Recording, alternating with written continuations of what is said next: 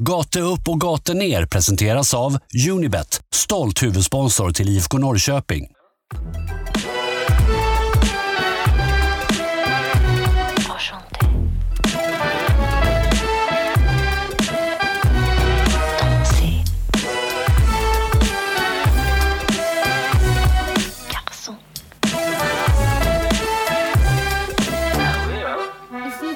Hej och välkommen till Gate upp, gate ner podcast. Jag heter Vincent Messenger och med mig har jag som vanligt Pontus Hammarkvist. Men vi har ju även den här veckan en mycket speciell gäst i form av en fotbollsspelare i IFK Norrköping. Mm. Det är den här veckan assisterande lagkaptenen i IFK Norrköping också, fast det här är laget. Förra veckan hade vi Lovisa Gustafsson, men idag är det Linus Wahlqvist. Välkommen! Tack så mycket. Hur känns det att vara här? Nej, det ska bli kul. Det lilla man snackar med så verkar ni sköna än så länge. Så Ja, det ska, skönt. ska nog bli bra. Tack. Vi ska försöka att inte förstöra det första intrycket under, den kommande tiden. Eh, om, ni, om ni har något smaskande i bakgrunden så är det så att eh, Linus har ett fullspäckat schema, så han sitter och käkar lunch här samtidigt. Men eh, vi tror inte att det... Vi tror att ni lyssnare ska ha överseende med det. Ni brukar ändå vara ganska snälla mot oss när vi, eh, när vi håller på att strula med ljud. Så att, eh, Det hoppas vi. ja, det tror jag nog. Det tror jag nog.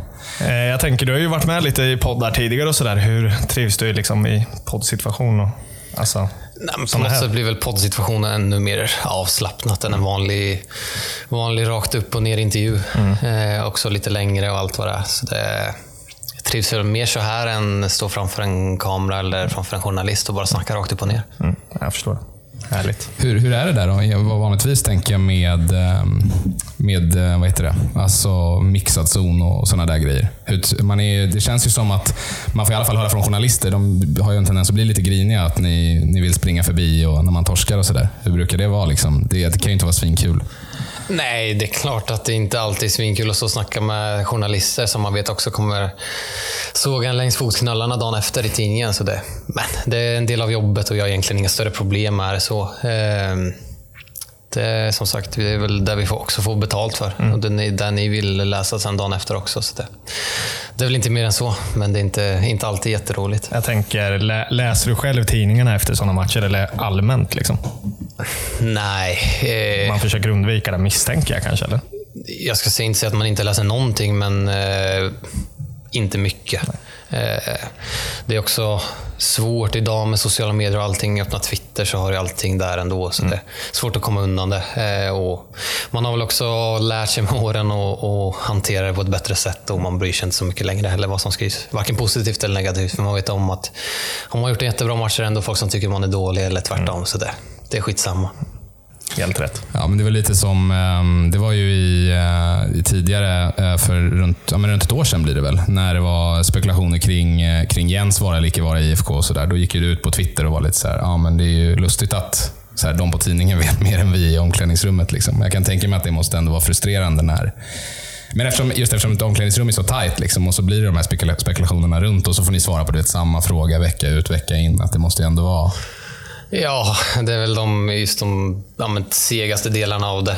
Eh, och speciellt tycker jag, eh, ta den hösten med Jens, då när det spekuleras helt fel, eh, så tycker jag det, det är fel att låta det gå så långt också. Eh, jag tror de, ja, men de flesta innerst inne gillade Jens och sen kanske han hade det tufft eh, den hösten, men det var inte så att eh, vi, vi, nu var jag ny, men vi som ändå varit här länge och känner Jens bra gick till honom och sa att han skulle, eller att han skulle få kicken och allting vad det var. Så det, då tycker jag det gått för långt, men sen folk skriver och det, det är där de tjänar pengar på. Det tillhör cirkusen, så att säga. Så är det, så är det tyvärr. Om vi ska gå in på, eh, jag tänker den här säsongen lite snabbt. Vad är dina spontana reflektioner kring eh, den här våren? Och de här eh, åtta matcherna är det väl som ni har spelat nu under våren? Upp och ner. Ehm, ja, slutändan en placering som kanske är för dålig. Ehm, prestationer som är för dåliga och ett poängsnitt som är för dåligt. Ehm, det är väl inte svårare än så heller. Jag tycker vi har haft svårt att göra bra 90 minuters matcher. Tycker vi har gjort eh, många fina halvlekar. Jag har haft svårt att göra över 90 minuter och sen några riktiga riktigt dåliga matcher. Eh, både offensivt och defensivt. Eh, sen tycker jag ändå vi, vi har tagit Rickards defensiv till oss på ett bra sätt och det är väl där jag tycker vi ändå har hållit ihop det från, från anfallarna i Oskar på ett bra sätt. Eh, sen har vi haft svårare offensivt, så det, det har varit upp och ner och lite för, för dåligt under långa perioder. Men känner du att det är... Um, för vi har ju pratat mycket om det. Vi har ju försökt predika det i podden under våren. Lite det här att man, just när man har en ny tränare som kommer in och man påbörjar någon slags ny cykel i ett lag. Att det blir de här, uh, liksom, mycket så här blandat i början med topprestationer och sen riktiga bottennapp innan man liksom hittar sin lägsta nivå. Jag tänker, det, det måste väl vara, det var i alla fall vår känsla efter våren när vi summerade, att det känns som att så här, det är inte jättekul och det har varit sjukt ojämnt. Liksom, men det känns ändå som att det kanske är sånt man får räkna med, eller? Ja, men lite så är det också. Eh, som sagt, vi tappar ändå väldigt många allsvenska matcher inför den här säsongen i alla spelare som lämnar. Eh, ny tränare, nytt sätt att spela på och många nya ansikten in. Så det är klart att det tar tid. Ehm, och som sagt, vi är egentligen bara åtta matcher in i allsvenskan, men de åtta matcherna tror jag ändå vi hade kunnat göra på ett bättre bättre sätt och kunna gjort något bättre av det. Eh, även om det, det är helt nytt, mycket av det. Men det är klart att det tar en, tar tid. Eh, det var väl egentligen samma sak när Jens kom med. Att 16 red vi lite på fortfarande flowet som vi hade. Eh, 17 kom väl också femma eller något sånt här. Medan 18 kom vi tvåa sen. Eh, så det, är oftast, det tar oftast en säsong med ny tränare och nya spelare. Och sen som allsvenskan är idag, mycket spelare in och ut. Eh, vi har redan tappat en under det här fönstret med, med Sead och kanske kommer något mer. Eh, så det, det är svårt i allsvenskan att sätta saker från början. Eh, Och man får räkna med att det kommer se, se lite upp och ner ut under hösten också. Men jag hoppas att vi kan försöka få det lite mindre spretigt än vad det varit under våren. Du eh, nämner Sia där, tänker jag. Alltså, mm, ett stort tapp givetvis. Mycket pengar in såklart i klubben. Men jag tänker hur mycket bidrar det med i gruppen att ha den tryggheten på plan, liksom i offensiven och förlora en sån bra spelare. Det är klart att det är alltid tråkigt att tappa bra fotbollsspelare och Sead är väl eh, har väl visat under ett år här att han är bland de bästa i Allsvenskan. Och samtidigt så tycker jag Samuel har kommit in som inte var förra året och gjort det jättebra. Eh, och Levi visade förra året vad han kunde göra också. Vi har några unga som är på väg upp med. Eh, så det, det ska inte kännas så mycket, men det är alltid tråkigt att tappa en, en bra spelare som gör mycket poäng för oss och som har varit viktig. Men då är det också upp till andra att steppa upp istället.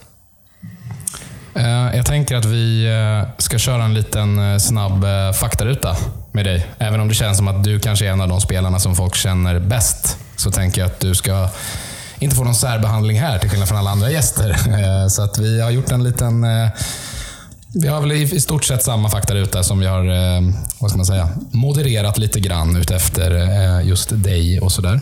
Så att jag tänker att Pontus, du får ta den som du brukar göra. Ja, nej, men vi hoppar väl rätt in då. Eh, klassiska fullständigt namn.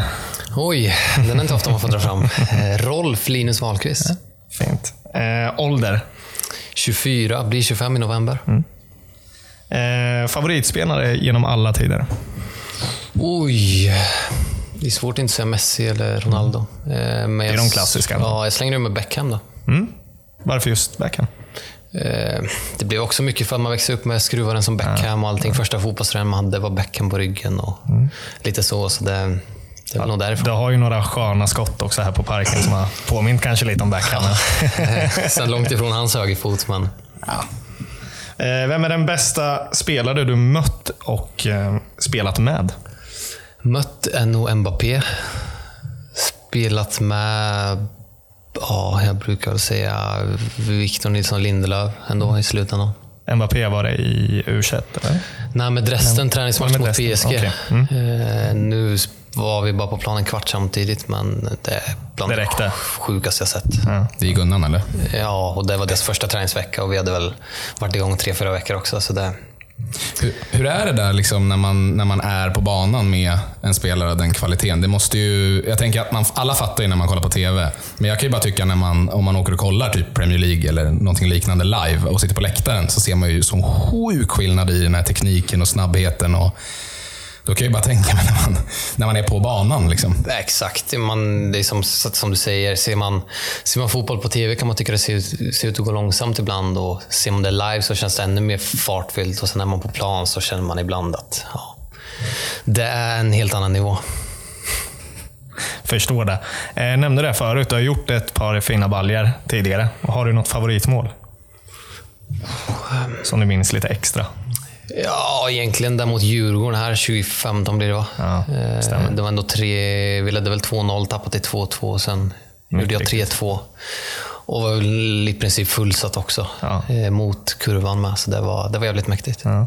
Jag var ganska direkt efter eh, 2-2 målet på straff där också minns jag. Exakt. Ja, jäkla häftig match alltså. Och ett sjukt snyggt mål. Ehm, vilken är den vanligaste missuppfattningen folk gör om dig? Ganska svår fråga, men har du någonting du Oh. tror? Ja, mm, bra fråga. Jag vet inte. Blyg har man väl hört kanske. Mm. Eh, vilket jag inte alls är. Eh, väl mer i så fall tillbakadragen och lugn kanske i vissa situationer. Mm, Så väl kanske det. Kan vara att du är lite blyg, tror folk då alltså. Ja, det är väl det. Du verkar inte vara väldigt blyg i alla fall. Så. Nej, jag är inte blyg överhuvudtaget. Eh, sen väljer jag mina tillfällen och, och prata eller inte. Mm. Ännu svårare fråga då. Om du bara hade 24 timmar kvar att leva, vad skulle du göra då? Då skulle jag nog bara avnjutit sista tiden med mina nära. Mm. Svårt att sätta sig in i också, men Ja, vad som men händer. Liksom. Men ja, jag man- förstår det. Eh, umgås med ens dotter. Bra svar. Eh, om du var ensam på en öde ö, vem skulle du ta med dig från IFKs A-trupp? Från IFK. Oh. Ja, någon, i, någon i gänget. Kan man ta sig därifrån? Eller kommer man stanna där? Mm, ja, ja, det, Jag- det jag får definiera själv är egentligen. I alla fall ja, ett år ska ni vara där. Så det måste ju vara någon du litar på. Jag slänger ju med Mike. varför Mike? Eh, man kommer ha, kommer ha jäkligt kul. Ja, ja. Skratta dygnet runt. Sitter bredvid honom i omklädningsrummet också och man skrattar en del. Jag förstår. Är det lite clownen i omklädningsrummet? Eller? Inte clown på sättet kanske. Jag menar man på ett positivt clown. sätt egentligen, men alltså så rolig, eh, Alltid liksom. glad, Ja. rolig. Sprider stämning. Exakt, sprider mycket glädje, snackar med alla. Så det, Mike är rolig. Vem, vem är det du sitter bredvid utöver Mike? Marco Okej. klev in och tog den platsen med. Okej. Hur, mycket, hur mycket snack blir det däremellan? Förstår du vad han säger? Ja, men hans svenska har faktiskt blivit jäkligt eh, bra. Eh, till, eller visst, blanda svenska och engelska. Mer svenska nu. Eh, jag förstår inte danska överhuvudtaget. Eh, jätteproblem med danska och norska också. Men eh, hans svenska blivit bra. Så det, ja, han är också väldigt social och trevlig med. Så det, jag har en bra plats. Du är ju väldigt ung ändå, så att jag misstänker att du kommer svara att du håller på med fotboll. Men var tror du att du befinner dig om tio år någonstans? Ja, då hoppas jag fortfarande att kroppen håller och man har något, något år kvar i alla fall. Eh, 34-35, ja. Men det är väl sista versen i så fall. Den här klassiska frågan som vi fick av många också, av våra lyssnare, undrar lite om du har något utomlandsäventyr i dig igen? Liksom om du, eller ser du dig tillbaka i Norrköping då till exempel? Eller? Jag hoppas väl att man har en högre nivå i sig överlag. Som sagt, jag är 24, blir 25 och har förhoppningsvis 10 år kvar av karriären minst. Eh, och jag vill inte... Jag kom inte hem förra sommaren för att slå mig till ro och stanna här eh, resten av mitt liv. Utan jag är här för att, som alla som kommer utifrån egentligen, att prestera, försöka prestera igen och, och vinna här. Eh, det är varför jag kom hem egentligen och varför jag inte valde att ta något annat utomlands. Eh, för att det här var det bästa då. Och jag tror det blir, det blir jobbigt om man som 24-åring ska slå sig, komma hem och försöka ta det lugnt och vara på hemmaplan bara. Mm. utan jag, jag vill mer. Ambi- sunt svar. Ambitionen är ändå att eh, studsa, alltså vända hem och studsa ut i, i Ja, Europa men sen igen. är inget jag kanske går och tänker på som jag gjorde för fyra, fem år sedan. Eh, utan eh, första samtalet med Rickard med var han frågade hur en stanka var. Så det första gången på många år jag verkligen känner att jag är på en bra plats. Eh, det är jäkligt kul att spela fotboll och jag känner att jag utvecklas varje dag och kan göra något bra här tillsammans med IFK. Eh, så just utomlandstankarna finns inte där. Det är klart att jag vill nå så långt som möjligt med min karriär, men det är inte så att jag går runt och tänker på att sticka utomlands igen nu. För som sagt, jag kom hem för ett år sedan bara också och känner att jag har mer att ge och är på en spännande resa nu med, med Rickard och det gänget också. Hej kära lyssnare. Innan vi fortsätter med intervjun så tänker jag att jag ska pusha lite för Hemmaklubben. Som sig bör. Som ni redan vet så är ju Hemmaklubben ett initiativ från Unibet som gör att du kan stötta IFK Norrköping fast du inte kan gå på matcherna. Hemmaklubben funkar ju som så att eh, ju fler som anmäler sig, desto högre upp hamnar man i en tabell som består av alla elitlagen i Sverige. Och Ju högre upp man hamnar i den tabellen, beroende på hur många då som anmäler att man håller på IFK Norrköping, desto mer deg tillfaller alltså IFK Norrköping vid slutet av säsongen. För det är ju nämligen så att det är alltså 20 mille som ska delas ut till ungdomsorganisationen i diverse olika föreningar.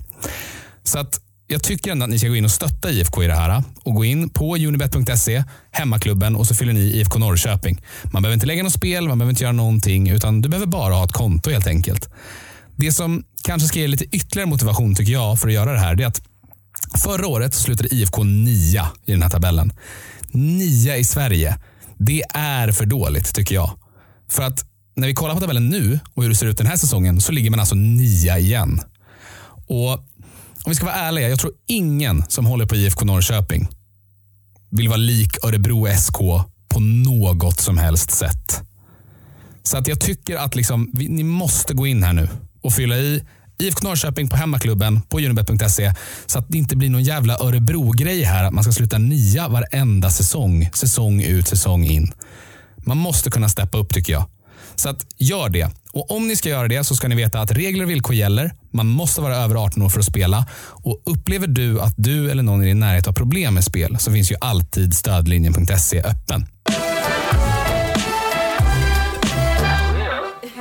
Du nämner det lite tidigare där också. Var det att man flög iväg mycket mer när man var yngre? Fyra, fem år sedan. Att man hade högre drömmar kanske så att de bästa ligorna, bästa lagen och sånt där som man själv har drömt om men var väldigt Ja, men långt ifrån kanske såklart. dels en blandning av det och sen jag spelade ändå i princip fem hela säsonger här Mm. och jag tror att vara på ett och samma ställe under för lång tid, det är inte bra för någon. Eh, Jag tror alla behöver, behöver få se lite nytt och träffa annat, annat folk och lära sig ännu mer. Eh, oavsett vilket arbete den är. Om det är på kontor, eller lager eller fotbollsspelare så tror jag att alla måste, för att må 100% bra och utvecklas, måste hitta något nytt efter för lång tid. Och, eh, som fotbollsspelare tror jag att fem år på, på samma ställe, i, speciellt i ung ålder, är kanske lite för länge. Eh, så jag tror väl mer det blandat med att ja, man kanske hade eh, såg annorlunda på sin fotbollskarriär förut och nu är man lite mer realistisk. Mm. Du får göra som du vill på den här frågan. Eh, Men vi har, brukar ha haft den förut med. Nämn en fotbollsspelare du ogillar. Det kan vara sedan gamla tider eller någon du kanske haft lite tuffare att möta eller liknande. Ogillar det? är en hård fråga också. Ja, liksom, så att ja. man kan definiera den lite hur man vill i det här. Eh, bra fråga. Det finns ju de man ogillar på plan, men inte vid sidan av. Eh, Vem är, vem är tuff, tuff att möta? Om vi just pratar idag- allsvenskan. som tycker- jobbig. Per Frick tycker jag är en gris Mm, på plan. Eh, men det är väl bara positivt från hans sida. Eh, Antar att det gynnar Elfsborg. Absolut. Mm. Springer, stångas och snackar hela tiden. Så det, det är väl en sån. Sen gillar jag en som fan vid sidan av plan istället. Men det, vi säger perfekt då. Mm, mm, härligt. På tal om Per Frick. Vi har haft en diskussion i den här podden för typ ett år sedan. Men jag tyckte jag måste bara haka på och se vad du tycker. Vi debatterade om huruvida, hur många mål Per Frick gör under en säsong i Barcelona i La Liga. Och jag sa att han hänger 15. Och Ponta sa att det inte finns en chans. Vad, vad är din, ditt expertutlåtande? Jag är på din sida. Du tror det? Jag, svårt, jag tror nästan jag skulle hänga 15 också där. Ja, det tvivlar jag inte på. Nu pratar vi om Det är min Frick. 20 säger jag. Va? Det, jag tror många skulle, skulle hänga 15 där. Eh, Ja, det tror jag absolut. Ja, det har varit lite min logik. Men eh, Pontus gick emot. Sunda Men värderingar nu har i jag Linus- jag i min ringhörna. Det väger tungt. Jag var tvungen att fråga. Jag tog en Nu vill jag chansning. nästan byta sida här. Eh, sulfint eller glidtackling? Och glidtackling. Ja, helt rätt. Det älskar man. Eh, om man kommer in lite mer på laget då.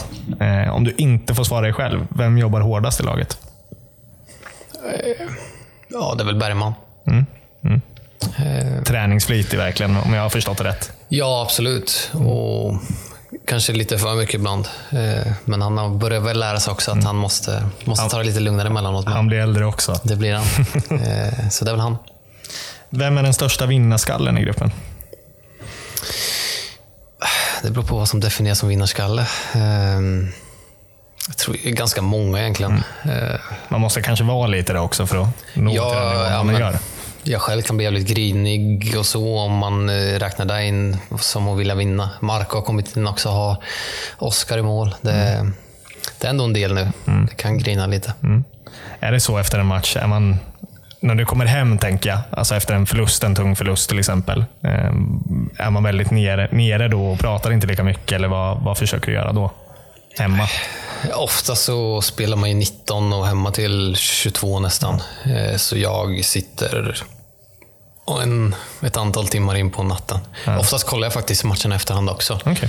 Eh, mest för, för egen skull, egen utveckling, men också för, för laget och se vad man kan skifta på. Både, både efter vinst och förlust. Så det, jag brukar väl kolla igenom den. Men det, för det, det är ändå intressant, eh, en grej som man hör fotbollsspelare prata om eh, ofta just när man skaffar familj, som ju du har nu, en, en ung familj. Liksom, att eh, man får ett annat perspektiv alltså på fotbollen och vad, vad den betyder och att, sådär, att man kanske inte kan ja, men komma hem och liksom sitta och tjura en hel kväll för att man är borta så pass mycket som man är och så vidare. och så vidare. Och man måste liksom någonstans att man liksom hittar andra saker i livet än fotbollen. Har du fått en liksom, samma typ av uppvaknande eller har det varit naturligt? Absolut. Eh, speciellt eh, nu spelar vi ofta så sent så att barn, vårt barn sover när man kommer hem, men speciellt dagen efter. Ofta så man, tidigare var man vaken länge in och eh, hade man inte träning så sov man egentligen bort hela dagen och var halvgrinig och kommer hit och det är halvgrinigt och gör återhämtningar och allting. Men nu är det, är det lek och man får så jävla mycket glädje från, från den lilla hemma istället. Eh, och som sagt, man har viktigare saker att göra än att, än att tänka på det man, man gjorde igår. Eh, truppen igen då. Vem är den teknis, mest tekniska spelaren i gruppen? Nu är inte Siad kvar, för jag misstänker Nej. att det kanske hade varit han annars. Han hade varit nummer ett. Ja. Oh. Också en bra fråga. Eh, Jag tror nästan faktiskt, det, kanske inte, han spelar väl inte så som eh, på plan, men jag skulle nästan säga Alle.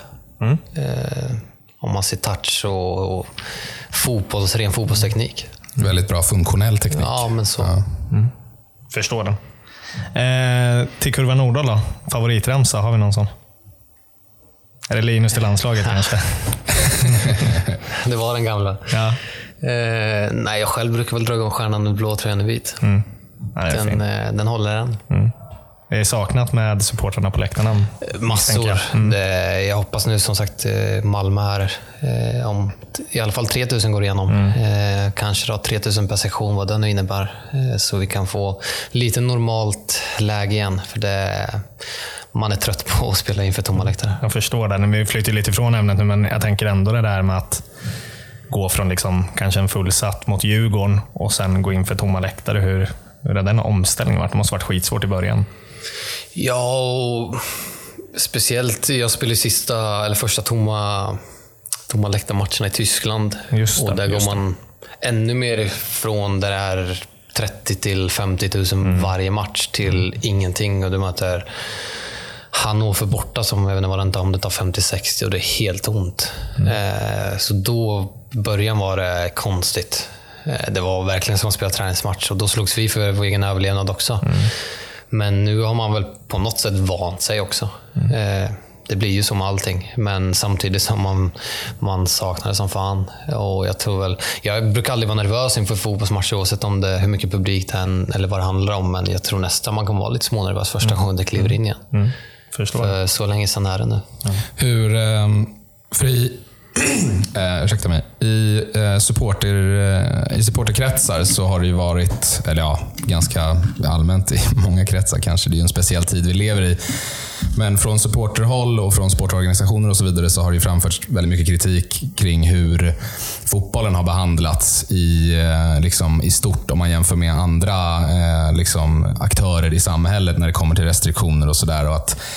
Ja, men om du kollar på till exempel Friends Arena, liksom, att man får släppa in åtta pers och så vidare. Eh, vad, vad har ni, alltså som, som spelare, liksom, vad är ert perspektiv på den grejen med publikrestriktionerna och sådär?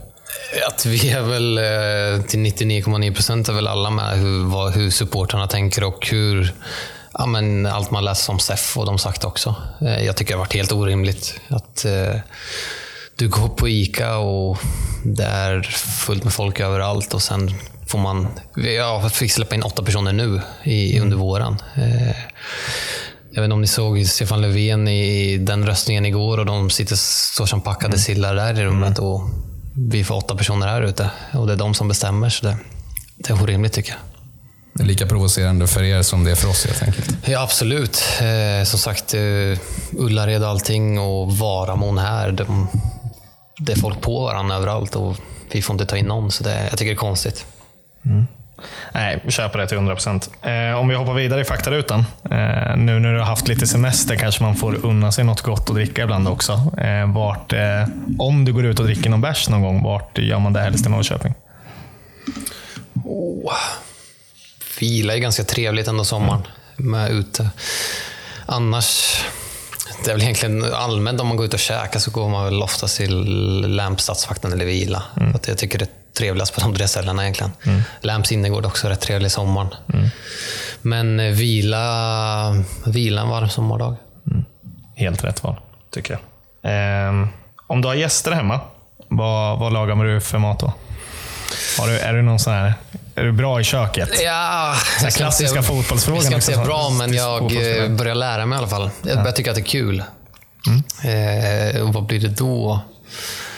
Ja, det är tråkigt att säga en pasta. Eh, för det, det är väl ganska standard. Eh, ja, jag får väl säga någon pasta i så fall. Då.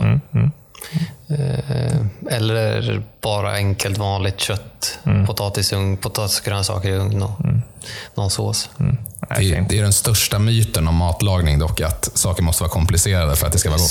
Så är det också. Så att, eh, jag ser inga problem med det överhuvudtaget. Jag tar gärna emot din pasta om du bjuder mig på middag någon gång. Inga problem. Pasta kan ändå vara komplicerat, men det låter lättare än vad det är ibland. Ja, så kan det nog vara. Det kan vara att jag inte är någon kock heller hemma, så att, eh, jag avstår gärna det. Ehm, jag har bott i Norrköping länge. Jag har ju koll på den här stan. Vad är det bästa med Norrköping tycker du? Nu när du ändå kom tillbaka och hela den biten. Vad är det man saknar när man är iväg?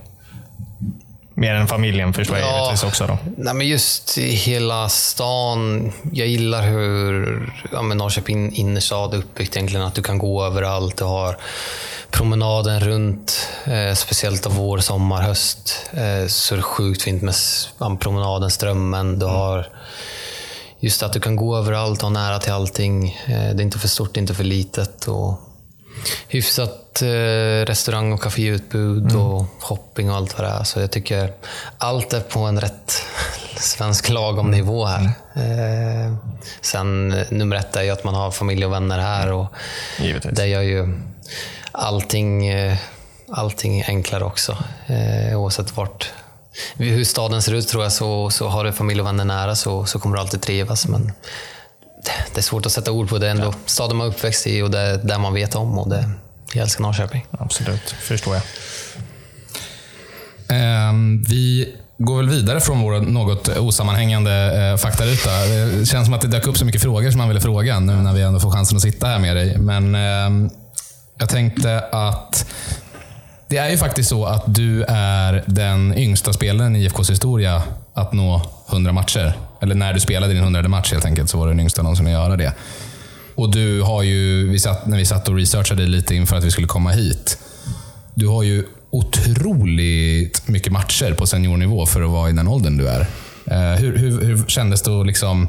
För du klev ju in i IFK 2014 och fick ju ändå spela mycket vid en väldigt ung ålder. Hur, hur var det att komma in i den liksom, seniorfotbollen så tidigt?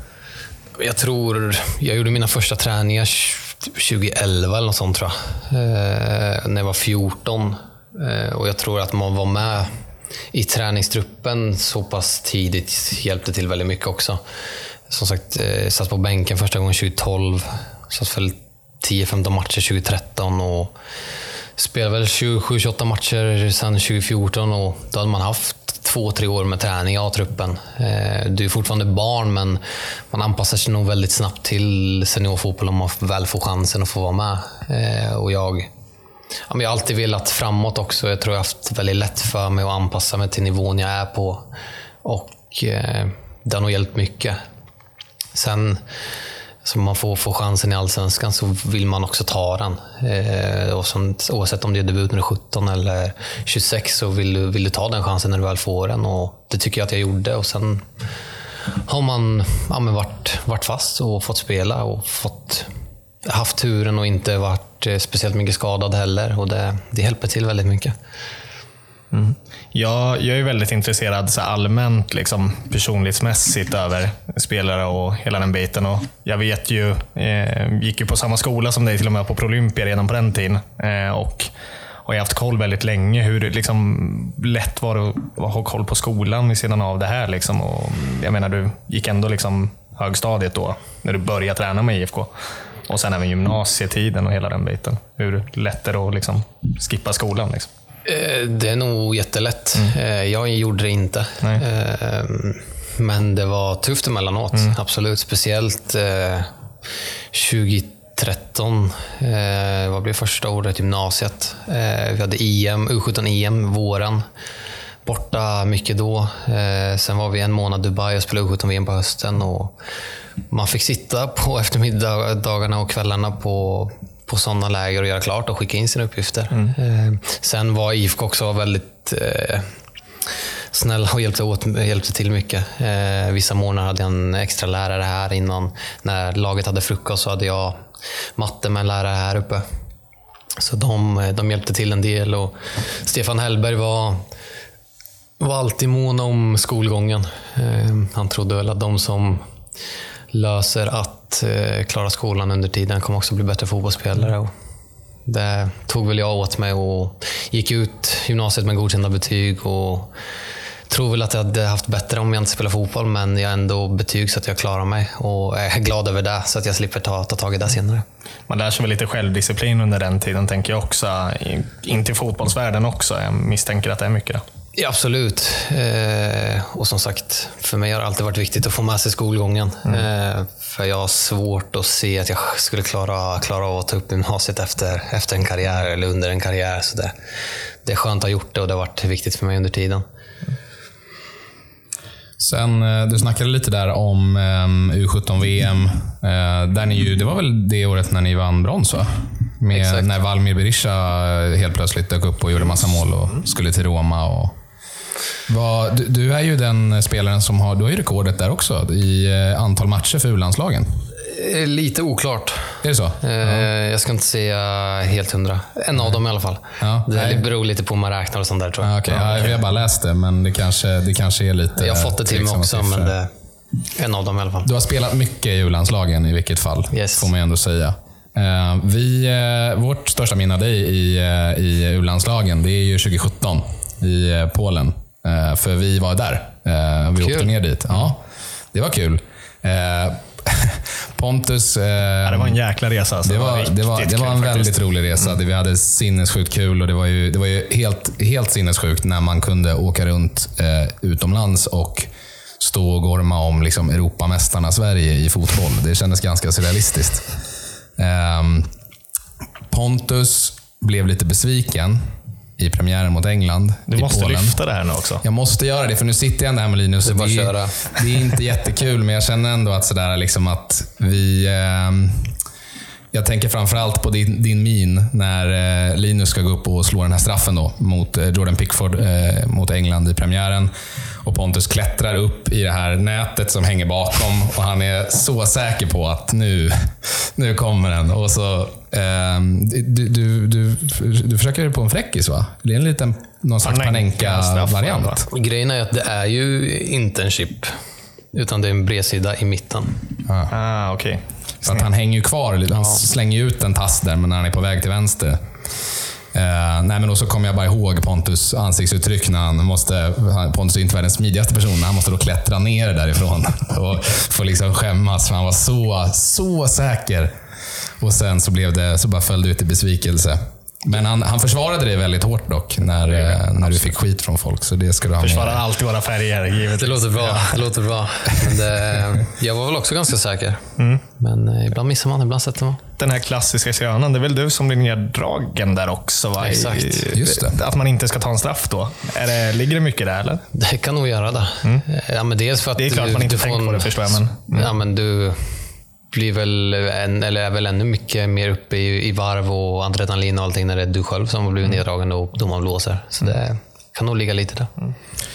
Överlag då, om vi bortser från eh, den lite tråkiga grejen som jag ändå känner mig nödgad att ta upp. Hur, hur är det att representera Sverige i ett mästerskap? Allmänt, oavsett om det är mästerskap eller en vanlig träningslandskamp när du är 15, är lite samma sak. Det är ändå, ändå Sverige du representerar och det är mycket mer än bara, bara dig själv och, och fotbollen. Eh, Så det, det är en stor stolthet eh, och jag har alltid njutit oavsett om man var 15 och gjorde sin första landskamp eller spelade U21-EM eller U17-VM eller första riktiga A-landskampen så eh, är känslan nästan detsamma. Eh, det är eh, verkligen bara en bonus till, till ens egen fotbollskarriär och att ha fått gjort så många ungdomslandskamper är det är jag stolt över. Och även de få A-landskamperna man har på CVt också. Eh, något man, man verkligen är stolt över. Med det starka CV som du nämner, som du faktiskt har i så här ung ålder, hur mycket kollar man liksom på det riktiga landslaget? Om du förstår vad jag menar. Alltså, hur höga drömmar har man när man har gjort så många pojklandskamper? Liksom, att man faktiskt ska dit.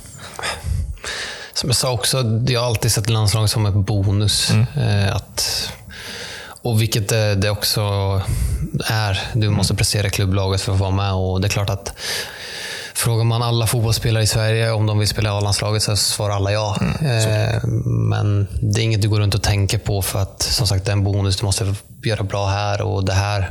Det är IFK Norrköping jag representerar just nu och det är de jag ska göra bra saker för. Och gör jag det så kommer chansen komma. Eh, man har varit med innan och, och vet att man, man finns där bakom men det är inget du går runt och tänker på att dit vill jag nå för det är något som får komma av sig själv på något sätt. Mm.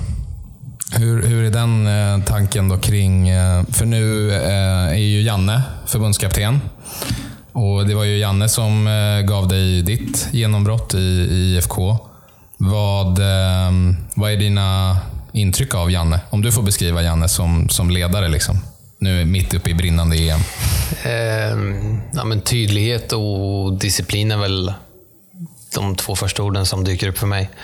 Han har väl en, en klar tanke med hur han vill spela fotboll. Eh, viker sig inte så mycket från den, utan tror på den stenhårt, vilket jag, jag uppskattar. Eh, och är väl väldigt typiskt svensk också i sitt ledarskap med att du ska vara disciplinerad, organiserad och allt det här. Så det, hans, hur Sveriges landslag spelar fotboll idag och hur vi spelar fotboll större delen av hans tid här beskriver väl hans ledarskap också på något sätt.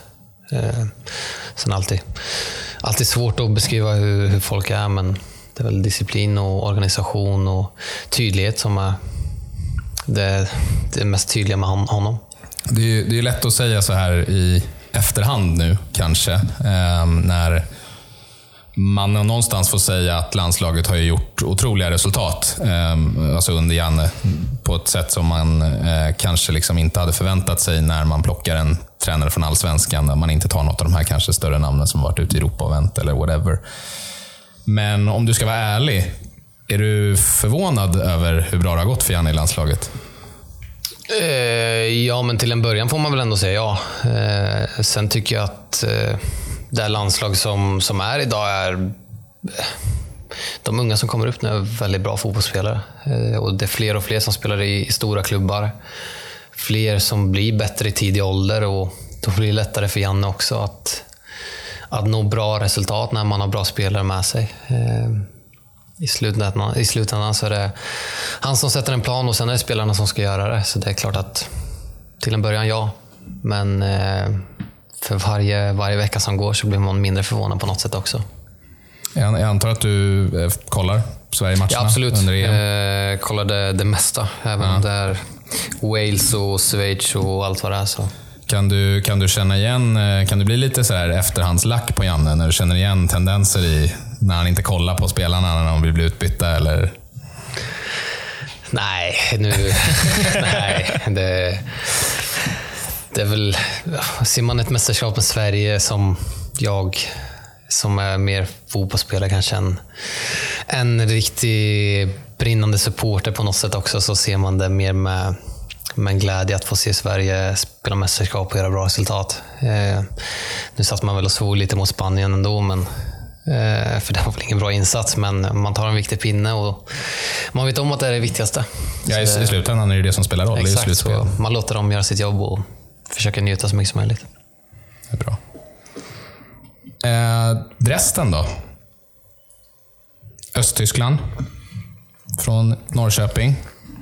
Hur eh, var den, eh, liksom det kulturskiftet? Du börjar med Östtyskland. Ja, men det är ändå... Det är ändå det, ja, jag misstänker ju att eh, det är skillnad. Absolut. Eh, nej, men vi hade två, eller både jag och tjejen hade två jättebra år. Eh, vi trivdes jättebra i, Dresden som stad. Hade två timmar till Berlin och en timme och en kvart i Prag. Eh, Moberg kom till Prag också, så vi hade eh, nära till, till dem där, deras familj. Fotbollsmässigt så fick jag spela mina matcher. Jag tycker jag gjorde en väldigt bra första säsong. Andra åker vi ur, Eh, vilket också beskriver väl kanske ens egna prestationer med, upp och ner under den säsongen. Men allt som allt så två jättebra år eh, där man fick testa på något helt nytt. Som sagt, Östtyskland är också lite speciellt där många lever kvar i det gamla. Det är trots allt bara drygt 30 år sedan muren föll. Så det, de, de runt 40, 45, 50 var fortfarande med om den tiden. Så det, mycket sitter kvar i, i deras ryggmärg. Och språkmässigt jättedålig engelska. De lärde sig ryska i skolan. Så det, det var lite annorlunda, men som sagt två jättebra år. Ja, för jag tänker just också eh, varför, jag, varför jag drog eh, Östtyskland-kortet så tidigt in i den här diskussionen var just för att eh, Dynamo Dresden som klubb är ju väldigt starkt anknutet till Östtyskland och, och har ju en väldigt stark koppling till Stasi bland annat och så vidare. Hur, eh, jag tänker för du, första året, då var det väl ändå full publik och så vidare. Yes. Hur var, hur var liksom skillnaden på läktarkulturen där? För jag vet ju att det har funnits lite tveksamma inslag på Dynamo Dresdens eh, liksom, läktare genom åren. Men det var, det var ingenting du upplevde? Eller Ja, var det finns fortfarande. Ehm, och det är väl, om man säger det negativa med, med publiken där, är ju vad, vad många av dem står för. Eh, sen som rena fotbollsfans så är det magiskt. Eh, trycket de skapar varje match, eh, både borta som hemma, är fantastiskt. Men de eh, har inte samma värderingar som mig, många av dem. Eh, och det är väl det negativa. Eh, som sagt, många lever kvar i det gamla. Eh, och det går väl genom generationerna vidare också. Eh, sen är det mycket klubben jobbar med också, med no to rasism och allt vad det är. Eh, klubben försöker få bort stämpeln som ja, ett rasist eller en, en nazistklubb eh, med, med sådana värderingar. Och de gör det på ett bra sätt. Eh, sen, som i alla ställen av världen så finns det alltid de som tycker annat. Så är det ju. Men jag tänker som, som fotbollsspelare, liksom, det måste ju ändå, som du säger, att äh, men du, vet, du känner att de, liksom, majoriteten av de som är på läktaren inte har samma värderingar som du, eller värderingar som du kanske liksom, verkligen då stöter bort. Liksom. Hur, hur känns det att någonstans ändå representera den klubben? Alltså, det måste ju ändå kännas lite konstigt. Det behöver inte vara fel, men det känns, känns det inte lite skumt? Ja, absolut. Eh, speciellt ja, någon eh, match när man var på bänken och värmer upp. Och vår, e-, vi värmer upp framför vår egna eh, borta, borta session och de skriker till våra mörkhyade spelare saker. Och det känns, det känns jävligt fel. Eh, så det är klart att mellanåt var det, eh, känns det konstigt. Men på något sätt, allt som allt, så är man fotbollsspelare och där för att försöka göra sitt jobb. Och Klubben i sig gör mycket, mycket rätt åt andra hållet istället och som sagt försöka få bort den stämpeln. Och det, det är väl det jag står för. Jag tänker det när man kommer ner till en klubb, du, som Norrköping vet jag ju förstått tar väldigt bra hand om spelarna här nere och så. Eh, men jag tänker när man flyttar över till Tyskland och hela den biten. Det är ju en omställning i sig. Hur väl omhändertagen blev du i klubben där, tycker du, kontra hur det funkar här kanske? Liksom? Eh, Jättebra också. Eh, Det var väl lite därför jag valde Dresden och inte något annat eh, också. Eh, Vi var i Tyskland och skulle träffa en eller två klubbar till också under tiden. Dresden var första stoppet. Och efter vi hade varit där så sa jag direkt att det är hit jag vill. Eh, Oavsett hur bra eller dåliga de har varit de senaste tio åren och allt vad det är så fick jag så bra känsla av de som jobbar i klubben. Eh, lite samma som här, att det är, det är många av de som jobbar är också stora supportrar och växt upp med, med klubben de senaste åren.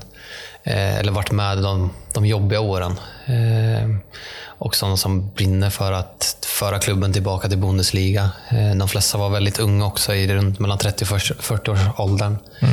Så det, jag fick jättebra hjälp med allting.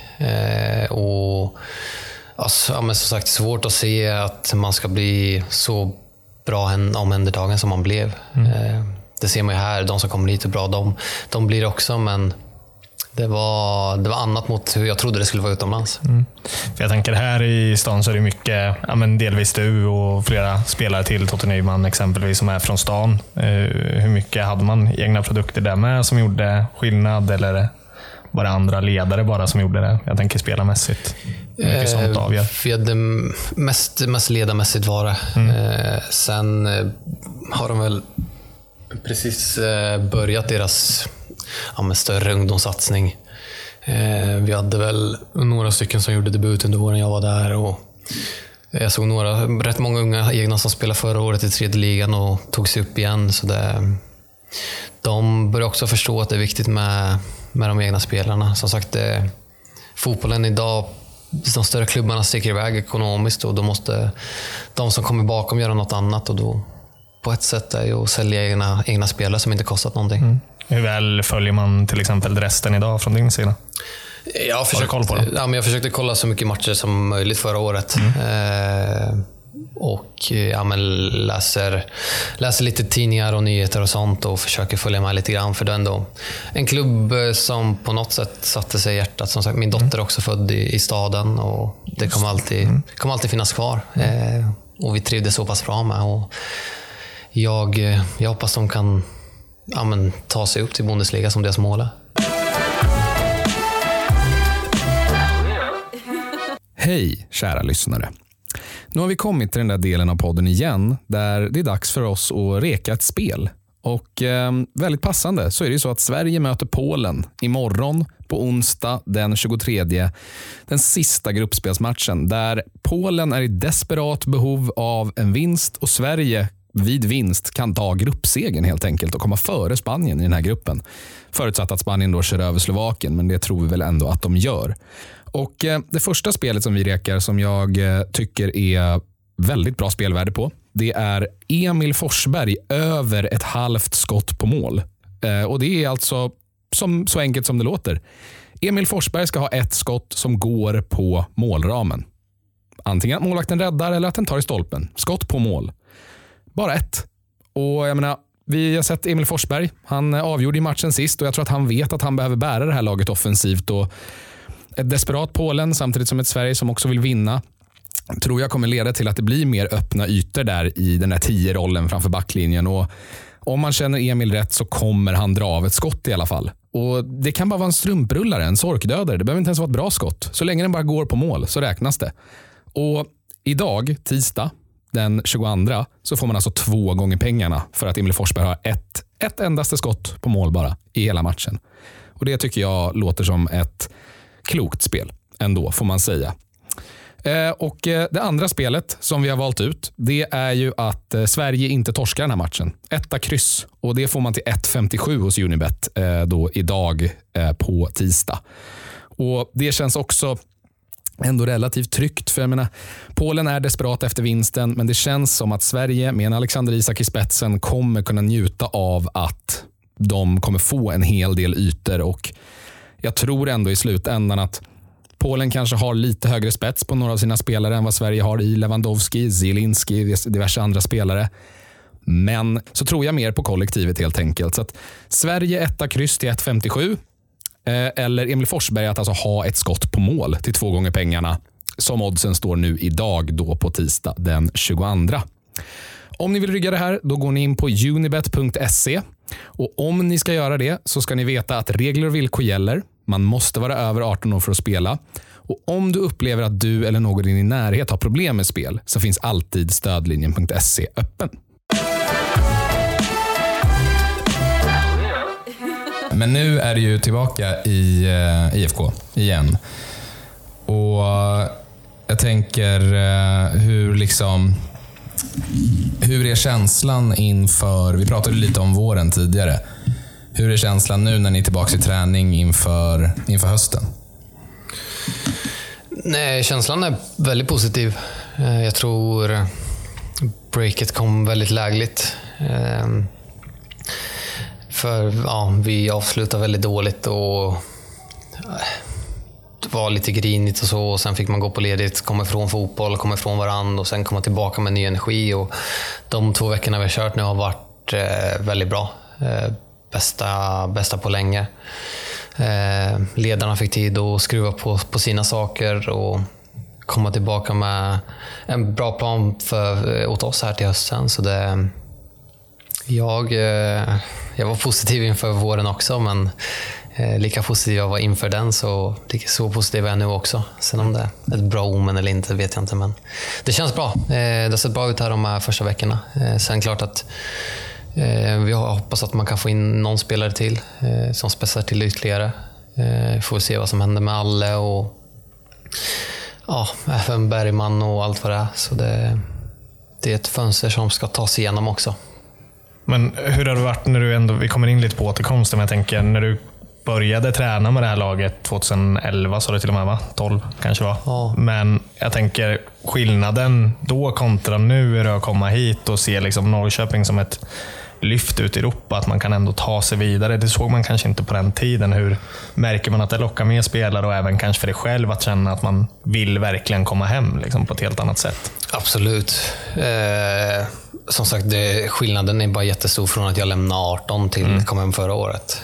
Eh, I hur man jobbar och hur noggranna man är och hur mycket tid alla ledare lägger ner varje dag och också hur mycket teoretiskt det är. Eh, det är jättestor skillnad. Eh, och det var väl också en av anledningarna varför jag gick hit och inte någon annanstans i, i Europa. Eh, för att jag tror det här är bästa stället för mig att utvecklas vidare på. Mm.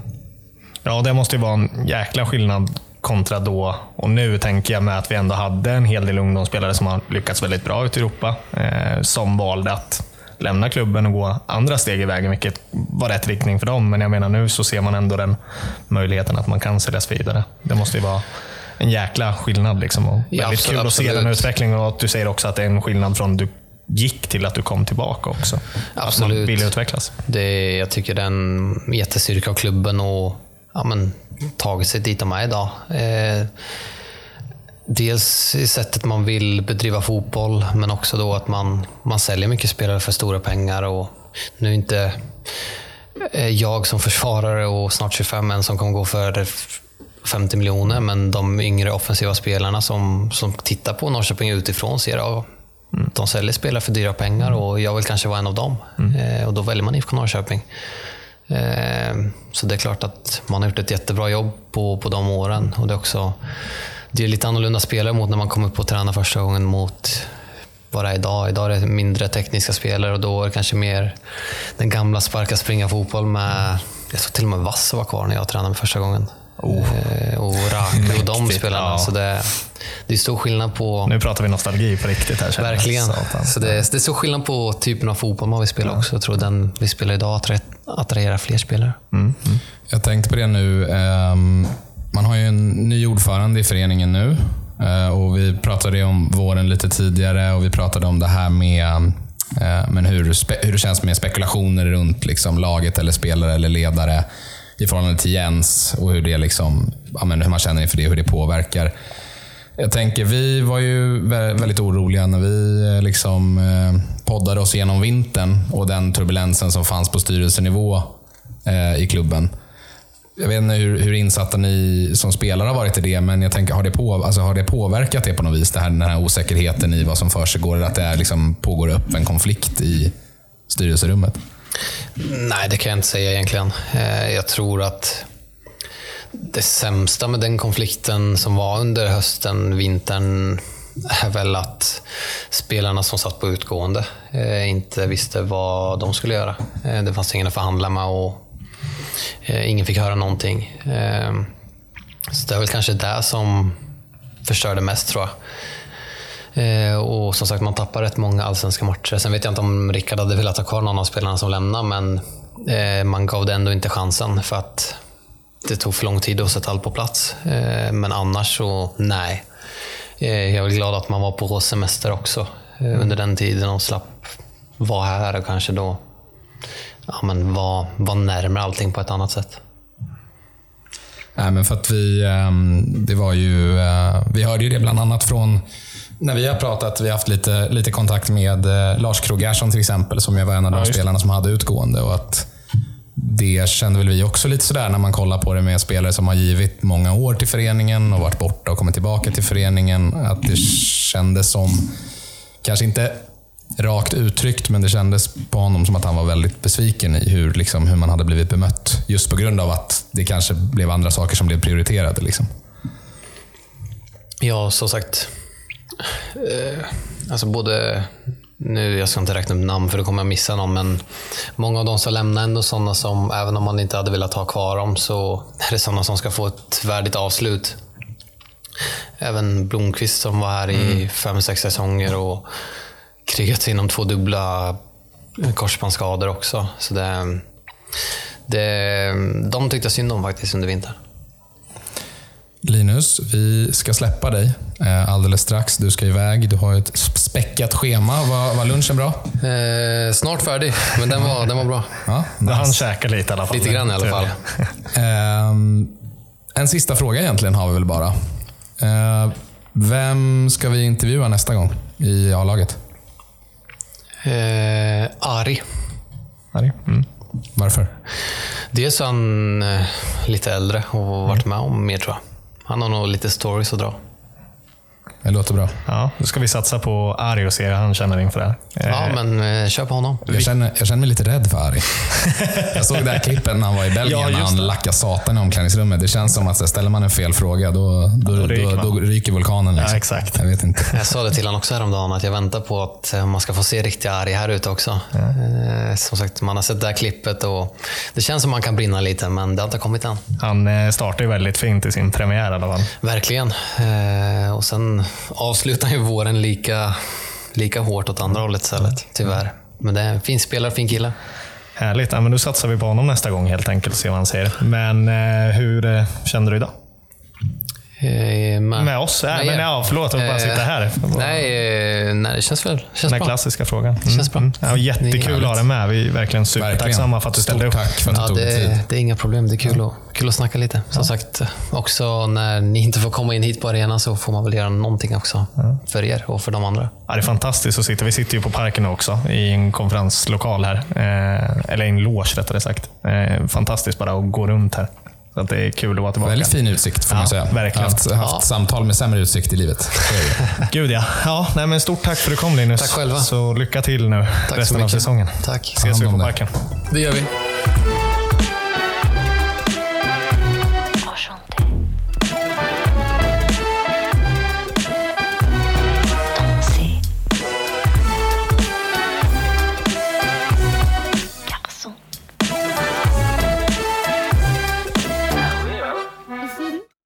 Den här podcasten presenterades av Unibet,